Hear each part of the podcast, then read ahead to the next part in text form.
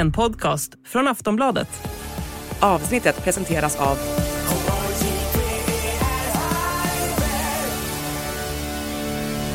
Stödlinjen.se, åldersgräns 18 år.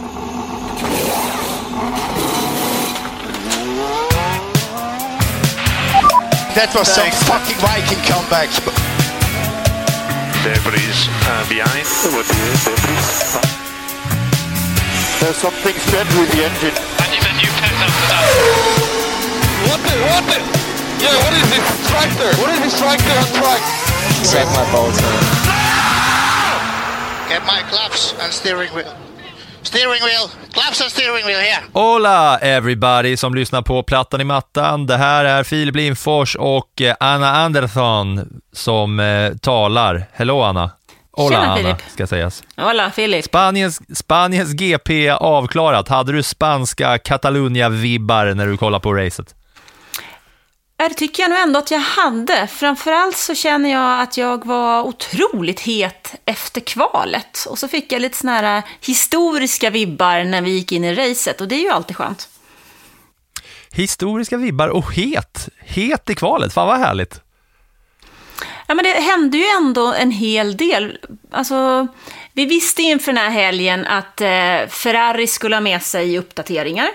Vi visste också att Mercedes var otroligt nervösa för de uppdateringar de hade med och funkade, som funkade bra i Monaco, när de nu skulle komma ut på en helt annan typ av bana. Vi visste också att det hade gjorts en förändring på banan i den sista chikanen. Så att det fanns en del sådana här lite mer spännande detaljer inför. Och sen så naturligtvis Fernando Alonsos hemmarace. Han har inte vunnit en seger sedan 2013. Så man satt ändå där och funderade på, ja men räcker den här Aston Martin-bilen till? Och hur het är han? Han vet ju naturligtvis också om att det är tio år sedan han vann senast. Och folk vallfärdade till eh, banan i Montmello. Ja, det var uppåt 300 000, 300 000 pers under sett till hela den där helgen, tror jag. Inte riktigt så mycket, men det var oändligt mycket. Och jag har ju sett och varit där på plats. Jag fick mycket flashbacks och så här minnesförslag i mobilen från när jag var på Barcelonas GP senast och kollade igenom lite av mina gamla filmer från där. Och helskotta vad mycket folk det var på eh, plats där. Förra året alltså, när jag var där. Men nu eh, satt jag och stirrade på, på det där på redaktionen. Ska vi börja ändå i kvalet från början kanske, eller? Ja, men det tycker jag någonstans. För jag tycker att kvalet kan vi nästan sammanfatta som ett favoritfall. Menar, Ett favoritfall? Ja, ja, ja. Jag trodde du menade så här att det var en favorit för, favorit för dig. Ett favoritkval trodde jag skulle säga, att det blev favoritfall. Men nu förstår jag. Vi börjar på Leclerc alltså. ja, alltså hans insats i Q1. Han är alltså näst sist. Han slår en enda bil. Och han gör inga misstag. Han är bara otroligt långsam. Och efteråt så pratar han om att det är något fel med bilen och så vidare. Men jag tycker ju att det är ytterst oroande att Ferrari kommer med en uppdatering och bilen känns bra så sent som under Q3 och då är han positiv. Men ett par timmar senare så är han verkligen ingenstans. Samtidigt som hans kollega gör ett bra kval. Alltså Ferrari i första och sista led. What? Ja, när har det hänt senast? Och just som du säger, inget så här uppenbart att bilen pajar eller att han krockar med någon eller att han sladdar runt, spinner eller kör av, utan det kändes som att det var på liksom av eget, på eget maner som han kom, alltså näst sist i en bil som ändå fungerar. Och det var ju också, det var ju alltså att Leclerc inte ens går vidare från Q1, det han, han eh, kör i Q1, man ser att det går långsamt, men sen tänker man ah, ja, men det här kommer han lösa ändå, ska gå in i depån och så fixar de till lite där inför sista försöket i Q1. Och så tvingas han väga bilen också när han ska väl in i depån, mitt under den här stressen, att veta att han är en av de absolut sista. Såg du det också eller? När, de skulle, när han skulle in i depån för sista vändan och de ställer upp han där för att dra Vilken fråga du ställer. Jag lajvade, det är klart att jag såg det. Ja, men det kan vara fokus på det ena och det andra också. Du kanske sitter med elva skärmar och kollade på, kollade på en annan av dem. Men det var, bidrog ju också till den här liksom känslan att oj, här är det verkligen haveri. Allt som går fel går fel. Ja, så var det ju, men jag tycker ändå, nu ser han, han åker ur Q1 första gången sedan 2019, samtidigt som hans kollega kör bra. Men Ferrari var ju inte det enda teamet där det var verkligen topp och flopp inom ett team. För hos Red Bull så gjorde ju Max Verstappen det vi brukar se Max Verstappen göra, det vill säga kör jätte, jättebra. Men hans kollega Sergio Perez, han åker ju ut i Q2. I Mercedes så kör Lewis Hamilton riktigt bra i kvalet. Och Russell, George Russell, han klagar hela tiden på att bilen är helt omöjlig att köra. Och han åker också ut i Q2. Så det var ju tre sådana här av, ja, man kan säga favoritteam, även om de kanske inte är bäst på banan, men tre team som folk verkligen håller koll på, där det var skilda världar.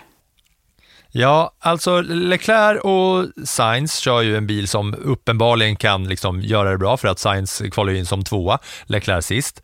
Perez kör en bil som uppenbart är den över, överlägsnaste bilen vi har sett på länge och han inte klarar av att göra det så bra. Men sen Mercedes, som du säger, alltså det var ju inte bara att Russell klantade sig. De där två körde ju ihop med varann. Så det flög delar. Russell och Hamilton körde ihop med varandra, klantade sig i Q2. Vad var det de höll på med på start och målrakan?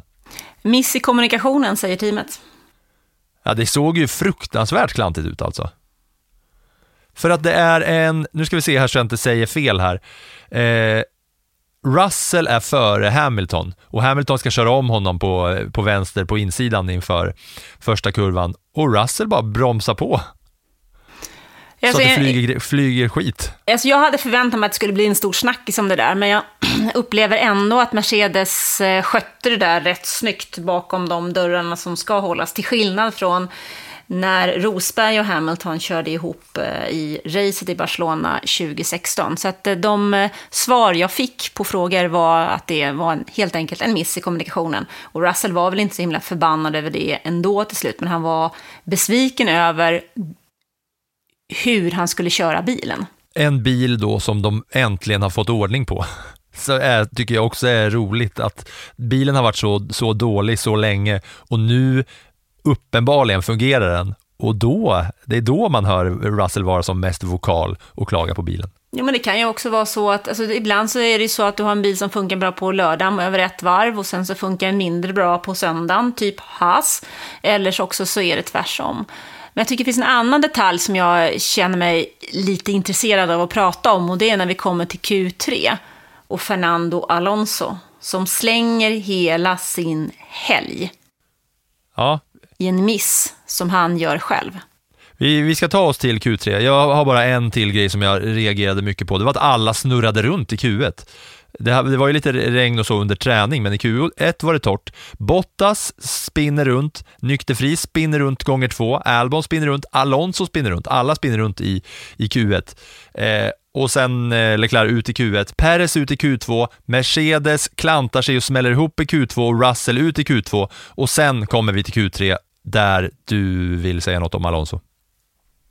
Ja, så han gör ju en en miss helt enkelt här i kvalet som gör att han kommer ut i gruset. Och det är ju inte så att det är lite smågrus här, va? utan det är ju ganska rejäla grusstenbitar, eh, vilket skadar golvet på hans bil. Och det var inte så att det är en liten skada på golvet, utan det är en så pass svår skada på golvet så att han dras ju med det här under hela kvalet. Och den, det som gör att han, att bara det att han tar sig till Q3 med den här skadorna som han har på golvet, gör, är ju faktiskt helt imponerande. För att man ser ju att han har ju liksom ingen körbarhet i den där bilen. Eh, mekanikerna är inne och kämpar och försöker, liksom, så fort det blir en paus så försöker de att verkligen reparera den där bilen. Men det, det går ju helt enkelt inte. Och eh, någonstans så känns det väl ändå som att Alonso är så himla het i början av det här kvalet att han därför satsar för mycket innan det är att hela liksom, vägbanan är torr. Det är ju det som gör att det är så många som, som de är lite utanför och där finns inte greppet på samma sätt. Och så drar de av en efter annan och Alonso, ja, han missar ju sin stora chans egentligen genom den här lilla missen väldigt, väldigt tidigt i kvalet. Efter kvalet så säger ju faktiskt till och med eh, teamchefen där, Mike Crack, att han liksom körde med ett halvt golv. Ja, och eh, ja, det blir han, han får alltså starta åtta när racet väl drar igång och då har han liksom Nico Hulkenberg, Esteban Ocon och för första gången den här säsongen, Stroll framför sig. Ja, och det beror ju på Alonsos egen miss. Jag tror ju att hade han inte gjort den här missen under inledningen av kvalet så hade han ju säkerligen kunnat vara med och hota om placeringar betydligt högre upp.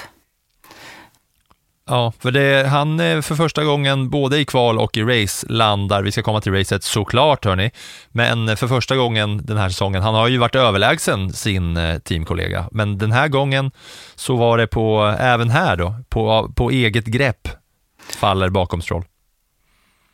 Ja, ett halvt golv. Ja, nej, det, vi vet ju idag att en stor del av downforce, nästan all downforce genereras ju från golvet. Golvet är ju otroligt viktigt. Det snackade vi till och med om, om i, i samband med Monacos GP när de lyfter bilarna över med luftkranar över folk så fotograferna kan fotografera de här golven underifrån. Eh, och det är ju väldigt, väldigt känsligt och det är ju många som är otroligt nyfikna på att se vad Red Bull har gjort där. Och lyckas man då inte få de här luftströmmarna som man vill ha dem, för att golvet är skadat, så kommer det ju naturligtvis att påverka. Och så var det ju fallet Fernando Alonso. Mm. mm. Och när du säger golv så blir jag liksom, jag blir eager, jag sitter här liksom och bubblar för jag vill snacka golv sen baserat på lyftkran och att alla vet att eh, downforcen genereras via golvet. Alla utom Williams uppenbarligen, för deras bil har också lyft upp och det är det sämsta jag sett i hela mitt liv på en absolut toppnivå. Men det ska vi komma in på sen, för först måste vi snacka om, eh, om eh, racet och innan vi ska snacka om racet så måste vi snacka om Lando Norris i kvalet som från ingenstans smackar in en tredje plats i, i startingposition. Eh, Ja, och som ingenstans så smackade han ur sig från en tredje plats också och låg tvärsist. Så jag tycker väl att han var en parentes. Ja, du väljer, du väljer att håna istället för att hylla här hör jag, så vi tar oss väl in i racet från kvalet där Norris ställer sig som trea efter ett jätteoväntat eh, starkt eh, kval, får man väl ändå säga. Glädje för honom, glädje för McLaren. Det, så, det var inte många som såg det komma, varken från Norris eller från en McLaren-bil ju. Mm. men det, som jag, det, det, som är lite intressant, när jag sitter här och ska lajva på söndagen, vi drog igång vid kvart i tre, så kom ju efter 12 minuter kanske, nästan 13, kom eh, startdäcken. Och då så ser man liksom att, ja, eh, Verstappen har valt medium. Medium. Medan Carlos Sainz som startar tvåa har valt soft. Och sen så kommer gänget där bakom då med Norris och Hamilton och, och man någonstans så hänger man, ja, men det kommer att handla om de här två i starten. Alltså kan Sainz eh, med sina mjuka däck då ta starten, har Red Bull eh, kalkylerat bort sig i sin förhoppning på den här däckstrategin. Då. Eh, samtidigt som det här är en bana som sliter väldigt, väldigt mycket däck. Så det var med de tankarna någonstans som man gick in i det här racet. Men jag kunde ju känna att när det gäller förstappen så vart jag ju motbevisad på typ eh, 150 meter. Någonstans. Mm. Ja, Alltså det här är, tycker jag är the story of the weekend. Alltså racet i helhet är ju ja, det är vad vi är vana vid. Det är Verstappen vinner med oändligt marginal, Ferrari taktikhavererar, eh, Tsunoda eh, kör bra men är vansinnig och är för aggressiv och det straffar honom. Det är liksom helheten. Men kollar man på jag tycker att det är jättekul att börja precis där du börjar på just däckvalen här i början, för det är mycket mycket som får mig att lyfta på ögonbrynen här. Precis det du säger. Förstappen på nya medium, eh, Sainz där bakom på skrubbade softs och trea då Norris som startar på hårda däck när de har sitt bästa läge de kommer inte få ett bättre läge på hela säsongen, eh, gissar jag på, McLaren. Och då sätter de hårda däck på Norris, vilket gör att han inte har lika mycket grepp i början när de kommer in i första kurvorna, tappar, blir omkörda av eh, Hamilton och då smäller in i Hamilton, framvingen flyger och där var McLarens helg förstörd direkt för att Norris måste gå in och byta och så är han sist. Ja, han kunde inte, alltså, det där är en, som jag ser det så är det en race incident. Alltså, eh, Hamilton kan inte göra så mycket mer för det händer saker framför honom och Norris har otur, möjligt på grund av sitt däckval. Ja, det är ju, Hamilton tvingas bromsa för att Sainz bromsar i kampen med Verstappen och så blir det klassiska domino-bricks-liret eh, där som drabbar alla, utom George Russell som tog den här lilla avåkningszonen som de har styrt upp där vid, vid kurva 1, vilket gjorde att han eh, tjänade en position också, vilket var speciellt. Det var ju några som blev sura på den grejen, men där har de ju byggt just i första kurvan att om man hamnar av banan så finns det då en liten, en liten eh, sträcka där som man måste hålla sig inom. Man får inte köra ut på banan efter att kurva 1 och 2 är slut. Så den var ju också en liten sån snackis. Eh, han tjänade ju en position där, Russell. Men ja, Lando Norris, eh, vad- det, vad tror du då om det jag sa? Det här, en sån här bra chans kommer de inte få på hela säsongen. Alltså det tycker jag är lite, lite kategoriskt att säga en sån här bra chans på hela säsongen med tanke på att vi har kört eh, typ eh, sju eh, lopp och det är ju... Och det är 60 lopp kvar. ja, men det är ju bara en tredjedel, så att, eh, det vet vi ju inte, för det kan vi inte prata någonting om än. Men eh, jag, någonstans så känner jag att det är... Jag förstår ju deras tanke med att de ska ligga kvar längre och på så sätt försöka se till att de får en, en bra position och vinna i en strategisk kamp. Men här kändes det som att man kanske överkalkylerade lite och istället torskade rubbet. Ja, han var rätt nedslagen efteråt, Norris också, eh, när han pratade om just det här första var varvet det gick åt helvete för honom. Men den här, jag gillar att kolla på, efter varje race gillar jag att kolla på just eh, alla pitstops och alla däckstrategier. Pirelli har en så bra, eh, snygg och enkel tabell att titta på. Eh, den brukar man få om man går in på Pirellis eh, Twitterkonto så brukar de lägga upp det efter varje race där man kan, där man kan se. Och just det här racet var ju alltså ett Alltså många race är ju att man vet att okej, okej, det är hårda, det är starta på soft som gäller och sen gå på hårda och sen så ligger alla på samma taktik. Här var det inte något team som hade liknande strategier. Här ser man alla färger, alla skrubbningskombinationer ehm, och olika varv som alla byter. Så det var ju liksom ett race där det var folk i depån i princip hela tiden. Och det var ju mycket roligare än om alla hade haft en enstoppsstrategi eller en tvåstoppsstrategi, allt alla hade det. Men här var det verkligen olika. Ja, men det var det ju. Och även, jag tycker även eh, om nu Max Verstappen drog iväg och det kändes ju, som jag sa, efter 150 meter så kände man att händer ingenting, kommer inget regn, så kommer han eh, att vinna det här racet. Men trots det så kände jag ändå inte att det var ett tråkigt race. Det, det jag kan tycka om man tittar på banan och den nya konfigureringen av banan när man har ändrat sista chikanen är kanske att DRS-zonen hade kunnat vara lite kortare. Så man har ju gjort vissa förändringar av DRS på ett par banor för att eh, främja eh, fighten. Och det hade man väl möjligen kunnat gjort här. Annars så tycker jag nog att det var ett det var ett kul race och jag tyckte att det var lite spännande ändå att se de olika typerna av strategier. Man kunde liksom inte vara helt säker på Ja, det enda man kunde vara helt säker på det var ju att eh, Carlos Sainz skulle sätta sig emot teamet när de talar om för honom att det är dags att gå i depå. För det gör han ju alltid. Eh, men nu så gav han sig ändå förhållandevis snabbt och eh, klev, kör in i depå där. Men annars så fanns det ändå så att man, man kunde fundera, ja men tänker de ett stopp eller tänker de två stopp? Tänker de, hur tänker de här? Så att det fanns, ja kommer det något regn eller kommer det inte något regn? Det cirkulerade lite lite moln eh, utanför banan. Sen cirkulerade ju lite moln även i eh, Russells hjälm som gjorde att han trodde att det regnade. Men man fick i alla fall en känsla kul. av att det fanns väldigt många parametrar här att jobba med, vilket gjorde att det ändå gav ett intresse till racet, trots att nu Verstappen vann. Mm. Och det tycker jag är så himla glädjande för att det känns som att så kommer säsongen fortsätta vara.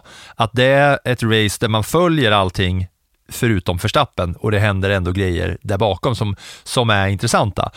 Mm. Jag vill bara hänga kvar lite, lite till på den här däck pitstop-tabellen. För återigen så tycker jag att det är helt omöjligt att förstå Ferrari som redan har klivit in i det här racet med liksom ett fiasko, eh, fiaskoresultat med Leclerc i kvalet. För kollar man på Leclerc så är han, utöver, det är två stycken bilar som startar på hårda däck. Det är Norris, det går åt helvete.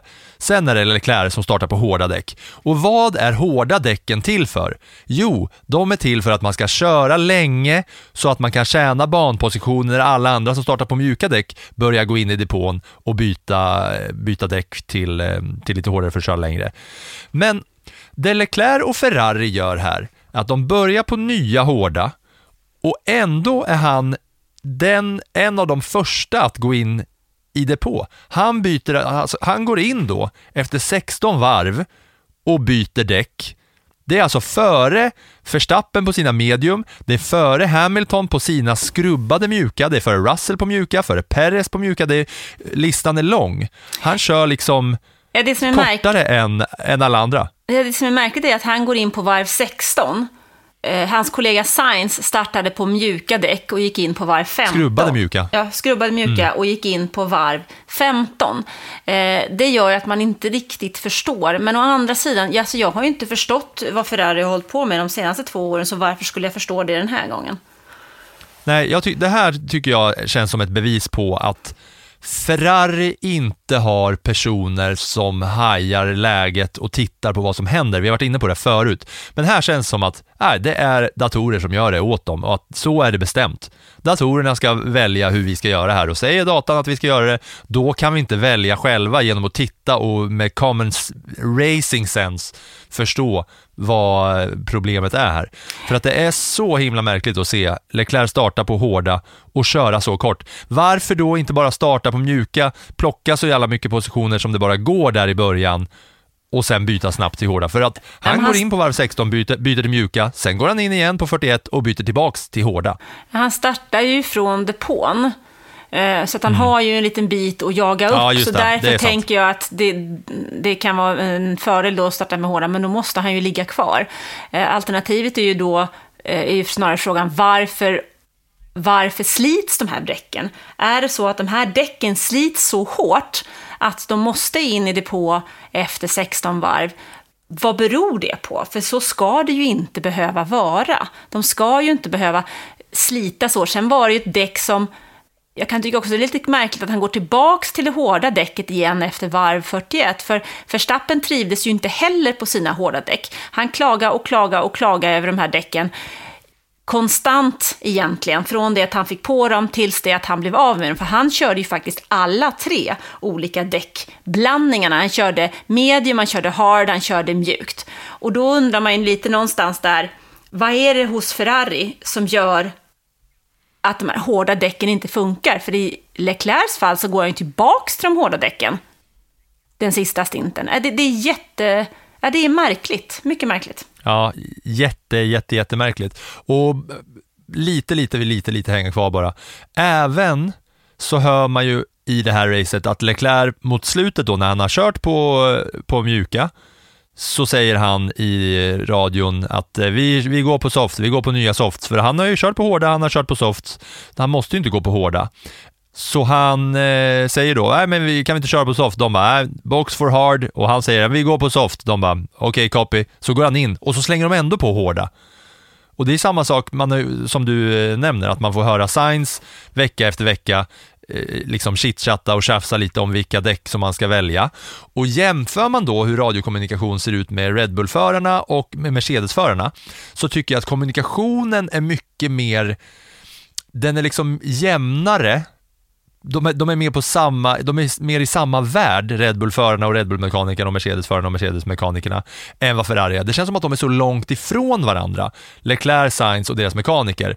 För Red Bull och Mercedes litar ju ibland på förarna. Förarna säger någonting, teamet säger något annat och sen så säger de, nej men vi kör på de här ändå. Och så gör de som förarna gör. Men det gör aldrig Mercedes. De lyssnar inte en enda gång på sina förare och där tänker jag också så här, det måste ju vara att de bara är tvingade att gå på da- data som är fel.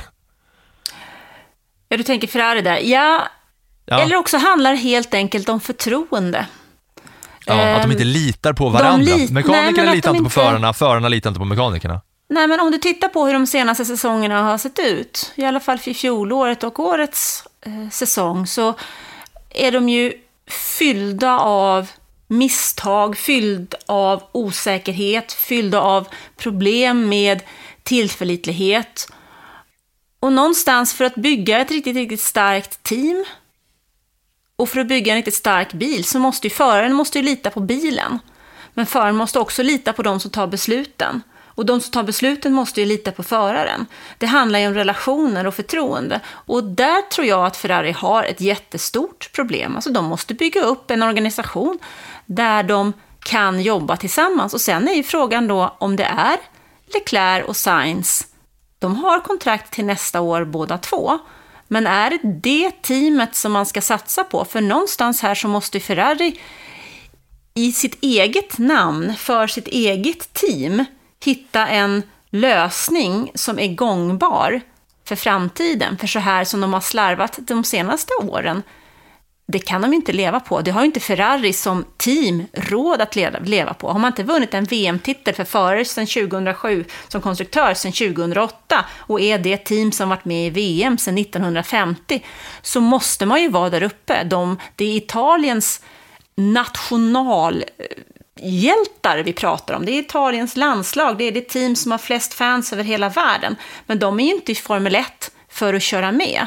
De är ju i Formel 1 för att vinna. Då måste man hitta en lösning. Ja, ja exakt. Gigantiska problem, problem för Ferrari. Det, det här måste ju, det måste liksom göras, det känns som att det här tar man inte och sätter sig och löser på ett litet möte, eh, lite team debrief liksom, utan det här, eh, det krävs stora grejer för att det här eh, ska kunna ändras på något sätt. Det är just så sjukt för att Leclerc tar liksom inte ens poäng i en bil som är, ska kunna, liksom, som uppenbarligen är snabb och går att köra. Men Leclerc kommer 11 och tar noll poäng. Ja, och dessutom, Carlos Steins startar tvåa, men han gör ju inget annat ja, än och femma. och rasar genom fältet. Alltså för, för Ferrari är detta ett um, rejält misslyckande. Monumentalt haveri. Ett av dem, alltså om vi kollar på de här stora händelserna från förra året när de liksom dubbelstackar i Monaco och alla de här konstiga andra besluten som, som de tog, som, där de tappade poäng på grund av beslut, så känns det här mer som ett i sin helhet ett större problem än bara enskilda misstag. Tycker du jag är rätt på det där?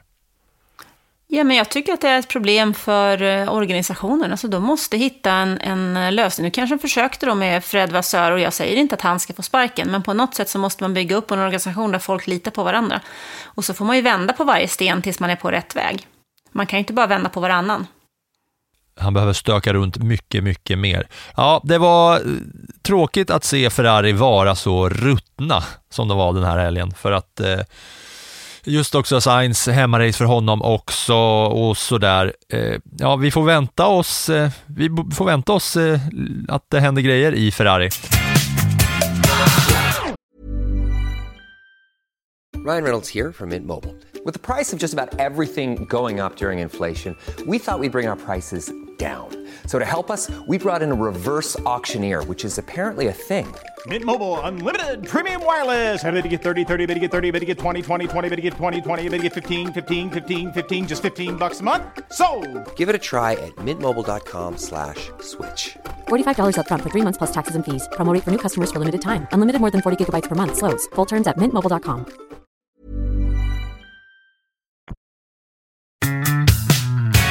Om vi eh, bara hoppar till Mercedes då, som eh, återigen här efter sina uppdateringar, där de då har satsat så lång tid på sitt koncept utan sidepods och så fort de ändrar det så kör de bra i Monaco och här så kommer de tvåa, trea och är näst bäst efter Verstappen.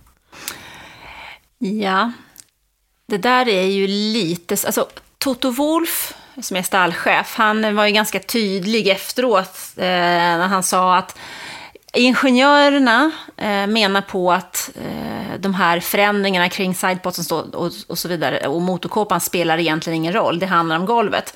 Men vi gör ändå de här förändringarna för att vi ska ha gjort alla förändringar. Det är lite skillnad mot Ferrari där. Här gör man verkligen, nu märker man att nej, men det här funkar inte. Vi har försökt, vi har försökt, vi har försökt, vi kommer ingenstans. Då gör vi förändringarna och då gör vi dem ordentligt. Sen tror ju jag att i Barcelona så var det, alltså bilen, eh, Mercedes bil gick bra i Barcelona även i fjol. Och nu stod alla stjärnor rätt. Alltså de hade, låg rätt i temperatur och sådana saker. Plus att det var andra förare då som, som exempelvis Fernando Alonso som inte alls var där som han brukar vara.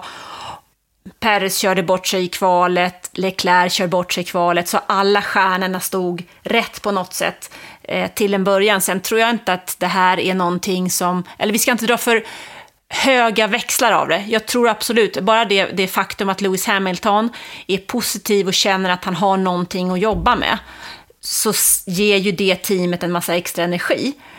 Men vi ska ju inte börja tro att de kommer att kunna slå Max Verstappen nästa vecka. Det som är intressant är ju att de faktiskt slår Perez med båda bilarna. Mm. Båda två ja, och jag, jag håller 100% med det du snackar om. Jag tycker det känns som att Lewis Hamilton i affekt går ut och pratar om sitt kontrakt så positivt också efter just den här helgen, att bilen äntligen har fått det här faceliften som gör att den ser ut som alla andra bilar. De kommer tvåa, trea och efter racet så eh, eh, ja, så är det kontraktsnacket om, eh, om Lewis Hamilton och förlängning i Mercedes. Det känns som att det kommer direkt efter att eh, han är glad igen. Han är glad igen, ja, men även Toto Wolff var ju ganska tydlig eh, att vi tar en kaffe och löser det där på en halvtimme. Ja, så, så kommer det väl säkert bli också om båda är så här positiva till det. Det enda man känner nu är ju att varför kastar de bort så lång tid på att jobba på det här konceptet som inte funkar. Tänk om de bara från början hade konstaterat att nej, vi är snett på det här hörni, vi gör om det här och så kör vi på de här sidepodsen nu och så börjar vi jobba därifrån istället. Mm, För de är du- fortfarande långt efter i sitt arbete med, de, med nya looken på bilen. Ja, men du ska ju komma ihåg att de har gjort en eh, förändring också internt. Eh, James Allison är tillbaks som teknikchef. Han har ju ägnat sig åt eh, America's Cup och sånt under fjolåret och då har man väl kanske inte riktigt haft den styrningen som man behöv, behöver ha haft. Och hans eh, kunskaper, erfarenheter och eh, det som han bidrar med kan ju också ha bidragit till att man jo, har gjort förändringen och eh, plötsligt eh, hittar rätt team runt omkring. Någonstans är det ju så att Toto Wolf har ju saknat en, eh, ett bollplank sen Niki Lauda försvann och när då James Allison också kände att Nej, men nu har vi vunnit allting, jag ska pyssla med lite båtar så länge. Och så går man in på fel väg och då behöver ju Wolf ju inte den som kan själv designa en bil. Skulle, men skulle han designa en bil så hade den antagligen legat absolut sist. Han är ingen designer, han är en duktig ledare och duktig på det han gör. Men han behöver ju någon form av bollplank och han litar ju på de människorna runt omkring. Den här förändringen att plocka tillbaka Allison kom ju här nu under våren. Och det kan ju vara så, nu spekulerar jag, men det kan ju vara så att när han kommer tillbaks, blir mer operativ, man börjar titta på möjligheterna och så hittar man rätt tillsammans med Wolf. Du, eh, Mercedes då, det var mer roligt att eh, Russell, du, nosade lite på det, att han rapporterade om regn. Det- Rain at turn 5 säger han efter ett tag och sen konstaterar de att nej, det är bara du själv som är svettig och det studsar upp svett på visiret. Ja, men det är intressant att han ser, eh, tror att det regnar på insidan av hjälmen. På insidan av Han visiret. kör och så rapporterar han så klart och tydligt och så seriös som George Russell är också. Alltid punkt och pricka, högsta knappen knäppt, George Russell. Rain at turn 5 tycker att han beter sig exemplariskt. Sen är det lite tyst ett tag, sen bara är det någon mer än jag som rapporterar om regn eller? Vad är det som händer? Och de bara, nej, du är nog bara svettig. Så det kan tyckte det jag var jätteroligt. Det tyckte, Det tyckte faktiskt jag var jag med. jätteroligt. Det var, tyckte faktiskt jag med. Annat i det här racet var att det för andra gången på de tre senaste racen inte var ett enda gulflagg, inte en enda DNF. Två Nej. av tre. Bil, bilarna eh, nu för tiden, förarna, de, är, de, de kör snällt mot varandra, bilarna är pålitliga Jo, och men här- eh, det smäller inget. Nej, men här hade vi ju å andra sidan en snurrbonanza i kvalet, så att det är väl tur att de lär sig någonting. Och om vi kollar lite längre ner i fältet då, så tyckte jag att det var eh, ganska roligt igen. Vi pratade om eh, Stroll under kvalet där, men, eller vad säger jag, Alonso under kvalet där. Eh, ska vi prata lite mer om att Stroll faktiskt slår Alonso här? Vi har varit nog nosat på att det är Alonso själv som är anledningen till det helt och hållet, eller körde Stroll bra ändå? Men han körde väl okej efter sina, sina förhållanden, så att säga. Men, men, men, jag tror att Alonso led väldigt mycket av de problemen med golvet, även om Tivent sa att de hade reparerat bilen. Ehm, jag tänker att det pratas mycket om har, har Aston Martin tappat och så vidare nu när Mercedes gick om, men jag tycker att det är för tidigt eh, att säga någonting. För att i och med att Alonso åker ur så tidigt under kvalet, det är ju han som har burit hela det här teamet, så, är det, så kan man inte se, säga att man har sett allt, utan man har ju sett en, en halvskadad Alonso här i stort sett. Han har ju nästan, jag höll på att säga spelat med en lårkaka, men antagligen ännu värre det, en kramp också. Eh, om man nu hade jämfört det med fotboll eller, eller någonting annat. Så att, eh, det är lite svårt, för man kan inte räkna med att Stroll ska hålla upp det där teamet på det sättet eh, som Alonso tidigare gjort. Det, det jag däremot tycker är lite intressant, det är en intervju som jag såg med eh, eh Micke Krack, och eh, han menar på att, krack. Mm. ja, att det kan vara så att de andra har tagit ett större steg än vad de har gjort. Men han menar på att deras analys som de har gjort inte alls talar om det, utan att det är inte någon trend här. Och han eh, ser däremot fram om de, på, mot de uppdateringar som kommer i Kanada om en och en halv vecka ungefär. För Aston Martin har ju nu lagt på ett kol när det gäller uppdateringar, för de inser ju att i år så är de ju inte med och slåss om mitten på något sätt, utan i år så kan de faktiskt vara med betydligt högre upp i konstruktörsmästerskapet eftersom eh, Ferrari hela tiden missar, missar, missar, missar och missar mm. det till. Det, det, känns som att kampen om andra platsen i konstruktören är mellan eh, Aston Martin och Mercedes, som det är i nuläget vid dags datum efter Barcelonas GP. Mm. Det är och några där, som jag har... Ja, där, om, du, om jag ursäkta att jag avbryter, så är det ju så att... Du är välkommen att avbryta jämt. I dagsläget så är det ju så att så fort Mercedes kommer att få hyfsat ordning på sin bil så har de två förare som kör in poäng. Hos Aston Martin så kan vi bara räkna med att de har en förare. För Stroll, han dyker ju upp lite emellanåt och, och eh, kritiken mot honom har varit jättetuff och hård under den här våren på ett sätt som han inte har varit van vid tidigare. För han har nog känt att han har suttit ganska säkert. Men det som blir intressant, det är ju vad som händer här framöver om Alonso tar tillbaks och fortsätter sitt grepp om Stroll. För någonstans så måste ju det teamet också inse att vi behöver två förare. För ska man lyckas i toppen så måste man ha två förare. Och Aston Martin har ju faktiskt en målsättning att vinna VM-titlar.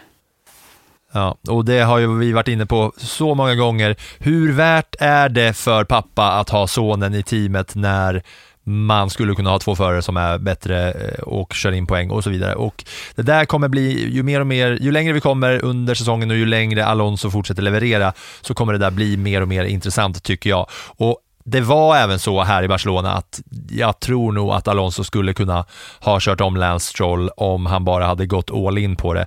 För här är radiokommunikation när Alonso säger till eh, teamen att tell Lance not to worry när han ligger bakom Stroll för att eh, de då ligger två Aston Martin-bilar i rad eh, och Stroll är den första. Han är väldigt snäll här, Alonso. Lyssna. Tell Lance not to worry, eh? I just want to build a gap with the cars behind in case of rain or anything. Yeah, copy. Understood, mate. Copy. Copy for that. Zero risk. Yeah, understood, mate. Understood. Det känns nästan som att eh, Fernando Alonso han har genomgått någon slags personlighetsförändring. Om man lyssnar på honom nu, hur han låter i förhållande till eh, Lance Stroll. Alltså när han körde med Felipe Massa i Ferrari, glöm detta. När han körde med Lewis Hamilton hos McLaren, det hade aldrig kommit på fråga. Och inte under de åren som han körde i Renault heller. Jag vet inte riktigt vad, om han gått och blivit snäll på gamla dagar eller om det står någon liten rad i hans kontrakt som gör att ja. eh, nu får vi flytta Dr. Jekyll och Mr. Hyde här. Zero risk, säger han alltså, att köra om Stroll. När han själv ligger så pass bra till i totala mästerskapet, så ändå känner han att det är viktigt att Lance Stroll får köra in före, trots att det liksom handlar i slutändan om en poäng hit och en poäng dit, om han hade kört förbi Stroll. Och Stroll får även frågor om det här efteråt, att Alonso såg snabb ut bakom honom och det är en ganska stel intervju som vi också kan lyssna lite på hur det lät. Uh, Alonso said during the race he won't overtake you. But we were six and seven Yeah. points for the team. but he is higher in the drivers' championship, so I could imagine that if he, he, he overtakes you, uh, that it's good for him in championship. He's right over here. Why don't you ask him? I already spoke with him. So We why talk- you asking we me? talked about. We, yeah, maybe you talked about it. No, I was uh, busy driving the car. Okay, all right. Thank you, Lance. Men jag måste bara fråga, har du någonsin sett Lance Stroll göra en intervju som inte är stel? Jag har också intervjuat honom vid ett par tillfällen. Det är som att intervjua en död fisk. Ja, ha, ja, Lance Stroll, den döda fisken. Ja, han är ju extremt stel, men just här att reporten tydligt då liksom puncha in här att Alonso, ja, där bakom, mhm. han såg snabb ut. Det hade varit bra för Alonso att komma före dig i poängen och så vidare. Vi lämnar Aston Martin och eh, så kan vi bara snabbt eh, nämna några andra roliga grejer. Alpin tredje raka med dubbelpoäng. Eh, lite kort om det här kanske? Ja, eller inte? Eller det som jag tycker mest är intressant där, det är ju faktiskt Pierre Gaslys missar under kvalet som gör att han drabbas av bestraffningar till racet och flyttas tillbaka. Så jag undrar om inte han börjar bli rätt stressad över Esteban Ocon och det, eh, den interna fight som finns emellan Alpins två franska förare. För att det är ju trots allt så att eh, Ocon har plockat in 10 poäng mer än Gasly i år. Mm. Och eh, när vi nämner då Ocon där så eh, tycker jag att eh, jag kollar bara på resultatlistan. Gianni Joe, om jag kollar längre ner, Gasly kom 10, tog en poäng, Joe eh, 9, 2 poäng. Där före kom Esteban Ocon och när vi säger Esteban Ocon då vill jag återigen tacka Hyper här för att min från början 50-lapp eh, har nu växt till 700 på Hyper efter att jag nu igen har varit med in och lirat på ett av mina favoritlir som är racevinnare om man plockar bort Mercedes, Red Bull, Ferrari och Aston Martin. Då hittar jag Esteban Ocon till 3,20 gånger pengarna eller något sånt som vi slängde in en liten eh, 25 krona på och ökade på. Så återigen, tack till Hyper. Eh, där kan man eh, spela på Formel 1, spela lagom, regler, villkor gäller, man ska vara 18 år och spela och så vidare. Men Ocon, återigen där som du säger, bäst av de två franska förarna. Men det var lite längre ner i fältet. Sen var det så att, såg du efter intervjuerna också, där det var lite roligt att Nico Rosberg var den som skulle göra eh, intervju, segerintervjuerna. De intervjuar ju alltid ettan, tvåan, trean där efteråt. Och då var det Nico Rosberg som skulle intervjua eh, Lewis Hamilton på den banan där de båda smällde ihop i den legendariska Stjärnornas krig-kraschen. Ja, jag såg faktiskt det. Jag tyckte han var rätt eh, lugn ändå, Nico, i den intervjun i förhållande till Hamilton. Jag tyckte han ändå tog ett, ett ganska stort steg tillbaka. Eh, så den eh, brast aldrig. Däremot så kan han ju vara lite halvtuff. Det var han ju både mot Toto Wolff senare och han ifrågasatte ju även Sergio Perez där. Ja, med all rätt kanske. Att, eh, det, han, det han gör är ju att han säger att ja, eh, ni har en eh, bil som är uppenbarligen överlägset snabbare än alla andra, men ändå så kör George Russell bättre än Paris, eh, säger eh, Rosberg. Horner, Christian Horner i Red Bull sen biter tillbaka och säger att ja, du är jävligt kaxig när du inte sitter i bilen och så vidare. Så det var lite en stel, eh, rolig stämning där också. Ja, men eh, Rosberg går ju all in på sitt nya jobb. Vad ska han göra? Det är ju bättre med en sån än med de här vissa andra som bara står där och ser ut som eh, hejaklacksledare deluxe liksom.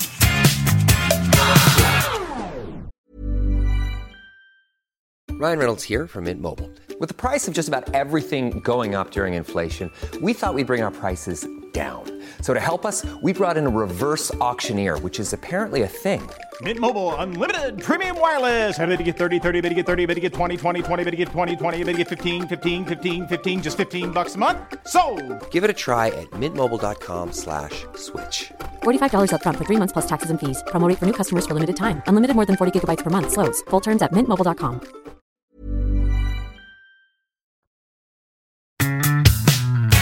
Nu vill jag prata lite om golv. Varsågod. För du var inne på det tidigare att eh, Mercedes fick ju sin bil upplyft i Monaco. Toto Wolff blev vansinnig just för att golven avslöjar så mycket mycket kring hur designen på bilen är och det är den enda delen, eller innanmälet på bilarna är såklart hemliga eftersom man, man inte kan se in, men det är ju den delen som eh, är så viktig som, bilar, som konkurrenterna inte kan se på varandra. Och här i Spanien så blossade det upp en meganyhet när Williams-bilen lyftes upp, för nu har man sett Red Bull, Mercedes och Ferrari, hur deras golv ser ut. Man ser plankan under och så ser man alla då de här vägarna. Och de är ju förståeliga, det är jätteavancerade, eh, det är superavancerad teknik och det är världsklassingenjörer som är bäst på matematik och luftflöden av alla människor som finns. Och nu i Barcelona så lyftes Williams bil upp och det ser ut som att det är en lådbil som jag har byggt när jag går i årskurs 4. Golvet är helt platt. Det finns inga kanaler. Det ser bara ut som det är lite plastskivor under på Williams-bilen. Och jag undrar, hur är det möjligt att på den här nivån ha ett så långt ifrån de andra avancerat golf. Det ser så inkompetent ut. Ja, men du, får ju, du får ju också tänka på att Williams är ju just nu inför den här säsongen så har de ju fått in en för detta Mercedes-medarbetare, James Vowles, som ny teamchef. Och hans jobb är just att börja sätta gränserna där. De har ju jobbat lite i någon slags annan nivå. Jag hade gärna velat se hur en Haas ser ut underifrån också, för jag tror inte att den är i närheten av det som vi ser hos Red Bull. Men den kan inte vara platt. Det kan inte vara så att några som är bäst i världen på att, eh, på att eh, designa bilar inte förstår att golvet har en viktigare betydelse än att bara slänga in ett plastgolv som är helt platt där kraften ska ner. Det ser så himla sjukt ut. Jag rekommenderar nu alla, jag vill nästan tvinga alla att googla på Williams F1 Floor och jämföra då med hur bilarna ser ut på eh, under golvet. För att om man bara ska liksom jag tycker så här, Aston Martin gick ut och sa det tydligt som gör att man får perspektiv på hur viktigt det här golvet är. För när Red Bull-bilen lyftes upp i Spanien och alla kunde då ta bilder och se på det här, så gick Aston Martin ut och sa, vi kommer sätta 100 plus, fler än 100 ingenjörer på att analysera bilderna på Red Bulls golv. Mer än 100 människor som är de mest avancerade ingenjörerna som finns ska analysera Red Bulls golv för att se hur de kan förbättra sin bil. Medan Williams då uppenbarligen har tagit någon som är lika smart som jag, som är lika bra på att designa bilar och designa sitt golv helt platt. Men det jag tycker, eh, jag tycker det missar lite poängen här. Alltså Williams är ju Williams och har levt under en väldigt dålig Ja, de har inga pengar, men man borde kunna göra ett bättre golv även med liksom 8,50 på kontot, borde man kunna förstå att golvet måste vara bättre. Det är helt sjukt. Ja, jo men så jag, är det. Jag fattar att de inte har några pengar, men man måste, man måste ju kunna ha kompetensen att förstå att golvet är viktigt. Ja, men det har de säkert. Sen är det inte säkert att de har möjligheterna till att göra någonting annat. Det jag däremot tycker är intressant, eh, det är ju det faktum som jag tror att alla inte har koll på. Och det är ju att runt en F1-bana, vid träning, kval och race, så står ett antal fotografer. Det är inte fotografer som jobbar för någon nyhetsbyrå, utan det är fotografer som jobbar för de olika teamen. De har alltså som uppgift att plåta de andra teamen. Och de ser ju till då att de står på ställen där det är, eh, ja, finns extrema möjligheter till att ta bilder som kan hjälpa dem på något sätt. Så de har ju valt ut ställen på banan. För ett par år sedan när man åkte på testerna till exempel, så var det ju så att när en bil kördes in i garaget så kom det murar eller väggar som de sköt för så att man inte skulle kunna titta in. Och i eh, Barcelona exempelvis så kan man stå uppe på taket och titta ner i depåerna. Men den biten eh, stoppade teamen genom att sätta upp olika pressändningar och tak för att man inte fotografer, fotograferna stod där med sina objektiv uppifrån och ner. Och återigen, det är inte fotografer som jobbar för någon nyhetsbyrå eller tidning, utan det är fotografer som jobbar för de andra teamen. Man har alltså ett, en, ett spiongäng som är ute på banan. Så i samband med Monaco GP så hade man ju då fotografer ute för att fotograferna kan ju se till att det blir bättre upplösning på bilderna än vad det blir när du ser dem på tv. Så att när man då får de här bilderna på Red Bulls bil, alltså du kan ju, de är ju överallt nu. Precis överallt. Ja. Så frågan är egentligen bara hur många veckor tar det innan man har hittat någon lösning och kunnat testa lösningar för att få ordning på sina egna detaljer. Och det som är lite spännande då är ju att team som Mercedes och Aston Martin, som inte låg topp två i konstruktörsmästerskapet förra året, de har ju mycket mer tid i vindtunnel och sån här datatestning, CFD. Så de kan ju göra mycket fler förändringar än vad exempelvis Red Bull kan, som leder och som vann i fjol. Dessutom fick en viss begränsning i vindtunneln eftersom de för snart två år sedan bröt mot budgettaket. Så den där eh, lilla incidenten som man kan titta, se på tv och tycka att det där, där var kanske lite lustigt att de lyfte upp bilen, det kan ju få katastrofala följder för Red Bull. Alla teamen sätter sina absolut bästa och viktigaste personer på att eh, analysera golvet på Red Bull och så jobbar de övertid och sliter arslet av sig medan Williams-teamet förmodligen säger ja vad säger ni hörni, ska vi gå ut och ta en bärs eller? Det här spelar väl ingen roll för golvet är så jävla oviktigt i Formel 1. Så tror jag det. Nu ska du få plussa racet Anna.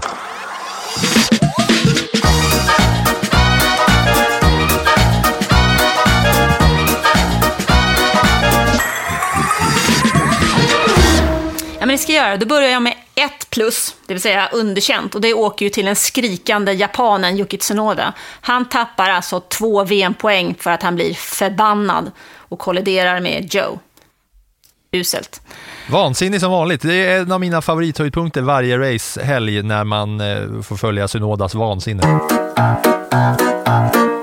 Eh, två plus, godkänt. Eh, dubbla poäng igen för Stroll och Alonso. Trots att Alonso körde utan golv, typ. Det förstår vi också hur viktigt det där golvet är och vad det förstörde när han var ute och drog i gruset där under, under inledningen av kvalet. Tre plus går till Lando Norris kval, som ju är en topp. Racet däremot är en flopp. Men i den här subjektiva listan så skiter vi i racet just nu. Mm. För han gjorde det bra i kvalet. Ja, absolut. Fyra plus går till Max Verstappen. Han kör ju en egen liga, men jag har liksom tröttnat på fem plus av honom, så han fick bara fyra den här gången. ja, vad kul! Det, det tyckte jag var en jättebra anledning. Och fem plus går till eh, Lewis Hamilton, George Russell och Mercedes. Eh, man blir så glad att se att det är fler team som är på väg mot toppen. Och om det tar en halv säsong till, en hel säsong till, det struntar jag i just nu, men det ger oss lite hopp. Och det behöver man i en värld som styrs av Max Verstappen. Och så motorstoppet då. Mm. Hamilton eh, som blir driver of the day och eh, kör från fyra till två. Mm. Mm. Motorstoppet då, ja men det går ju till Ferrari. Känner ni igen det här? Strategimiss, miss i kval, Leclerc slutar utanför poängen. Sainz startar tvåa, är femma i mål. Alltså det, de, nej, det räcker ju inte. Jag har haft Ferrari i mitt eh, Sportbladet Motormanager-team.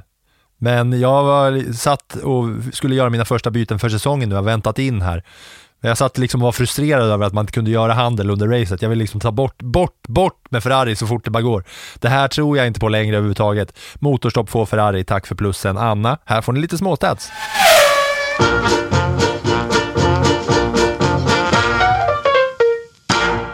Det här var 35 gången i F1-historien eh, som Max Verstappen och Lewis Hamilton är etta, tvåa, högst upp och näst högst upp på podiet. 35 gånger har de stått där.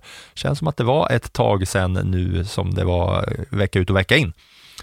Det här var också Verstappens tredje Grand Slam i karriären och kollar man då på alla sessioner i Barcelona så var han alltså snabbast i träning 1, 2, 3, kvalet, racet och fastest lap det går inte att säga någonting annat om att, äh, än att han är totalöverlägsen va? Nej. Och när vi ändå är inne på Hamilton då, så var det här hans 193 podium i karriären. Och fortsätter det så här så är det nog snart 200 plus på Hamilton. Eller hur? Med så pass många race kvar, Mercedesen på gång, Hamilton taggad. Det blir 200 passering i år va? Det tror jag nog att jag också hade satt mina kronor på. Och sen vill jag återigen, jag har gjort det typ varje vecka nu här, jag vill bara repetera Sunoda den här säsongen. 11, 11, 10, 10, 11. Sen var han 15, men det var, han var ju 9 så fick han eh, bromsproblem. Och sen nu blev han 12 och var 9 före bestraffningen. Så det är få poäng in till Sunoda, men små marginaler. fram där ändå, tycker jag. Jag bara funderade när jag, när jag hörde honom där. Eh, och han är ju medveten om den här raden han också, som du nu drog. Och när jag hörde honom på radio där så undrade jag vad den här aggressionscoachen som skulle ha fått honom att lugna ner sig och göra andningsövningar eller vad han gjorde, vad han har sysslat med. För jag tyckte han lät hetare än vanligt. Jag tror att det var du i julklappsavsnittet, eller jag, som gav eh, synoden, när vi fick välja vilka julklappar man skulle ge till alla, som gav, skulle gå igenom en relaxhelg med lugnande tior och CBD-oljor och grejer, så han skulle lugna ner sig i synoda. Det hade han behövt, eh, för att det här var liksom ett, eh, det här var ju ett aggressionsproblem som gjorde att han fick bestraffningen. Verstappen har nu passerat Nigel Mansell, mustaschmannen Mansell, på vägen till segern här i Barcelona så har han nu gått om eh, Nigel Mansell i antal ledda varv. Max Verstappen har lett 2143 Formel 1-varv i karriären nu. Nu har han Prost, Senna, Vettel, Schumacher och Hamilton före sig. Det är mycket mer än dubbelt upp till Hamilton och Schumacher, men han är på gång i antalet ledda varv. Nu vill jag höra hur det har gått för våra svenskar, för att det har gått bra!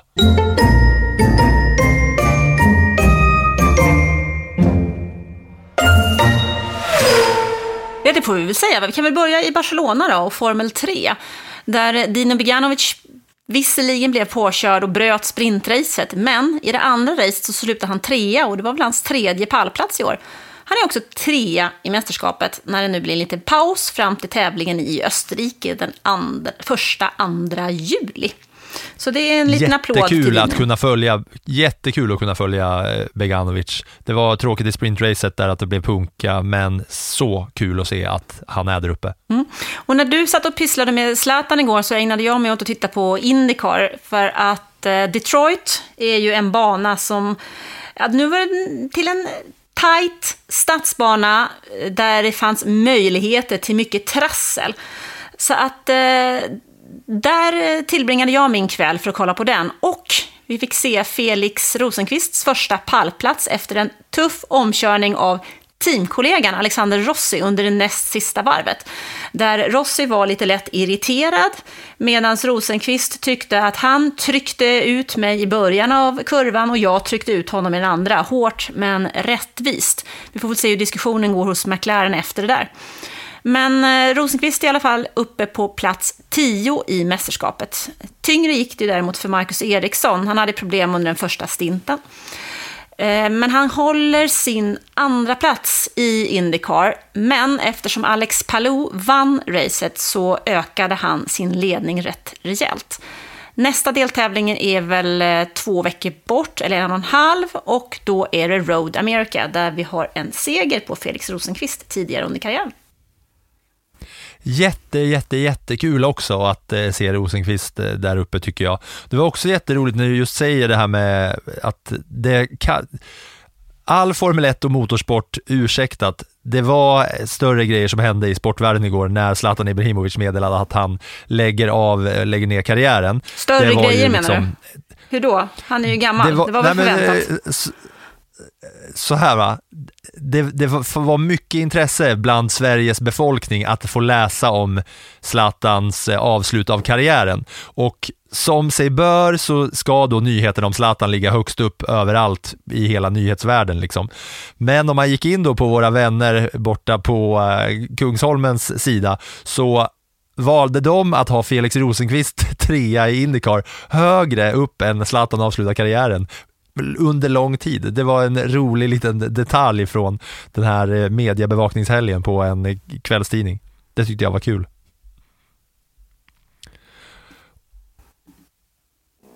Nu är vi nöjda med Barcelona kanske och ska säga adios och eh, blicka framåt för att säga bienvenue till Kanada och Kanadas GP som är om två veckor och inför det så kommer ni nästa vecka få höra ett riktigt fullsmetat avsnitt inför Kanadas GP, för det är det vi har att se fram emot.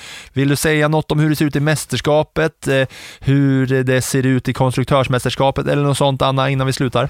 Ja, men vi har väl, vi har ju Max Verstappen i ledningen. Han har samlat ihop 170 pinnar. Sergio Perez, kollegan, är tvåa på 117. Därefter har vi Alonso 99, Hamilton 87, Russell 65 och Carlos Sainz 58. Det är topp 6. Och kikar vi på konstruktörsmästerskapet så har vi ju Red Bull i en solklar ledning med sina 287 poäng. Mercedes är tvåa, 152, Aston Martin trea, 134 och Ferrari fyra på sina 100 poäng. Det betyder att Ferraris båda förare har kört ihop en pinne mer än vad Fernando Alonso har gjort själv. Otroligt ändå. Nu säger vi tack till alla som har lyssnat. Vi säger tack till Hyper och eh, om du scrollar ner Anna, längst ner i vårt dokument så har jag lagt in en liten nugget som bara ska avsluta programmet för eh, dagen. Det är en bild eh, som jag tycker att man, det kan vara värt att se. Det är lille Yuki Sinoda i Barcelona som träffar den lettiska basketspelaren som heter Kristap Kristaps Porzingis och han är 2,21 och han har lagt upp en bild när han och Yuki Sinoda står bredvid varandra. 1,60 Yuki Sinoda och 2,21 lettisk basketbollspelare. Ser du bilden? Du, den bilden la jag upp igår i min F1-blogg, så den kan man se där också. Ja, där kan ni gå in och se på den bilden. Jag rekommenderar er alla att göra det, för nu slutar vi på en god ton i det här avsnittet. Tack till alla som har lyssnat. Tack så mycket. That was some fucking Viking comeback. Debris uh, behind.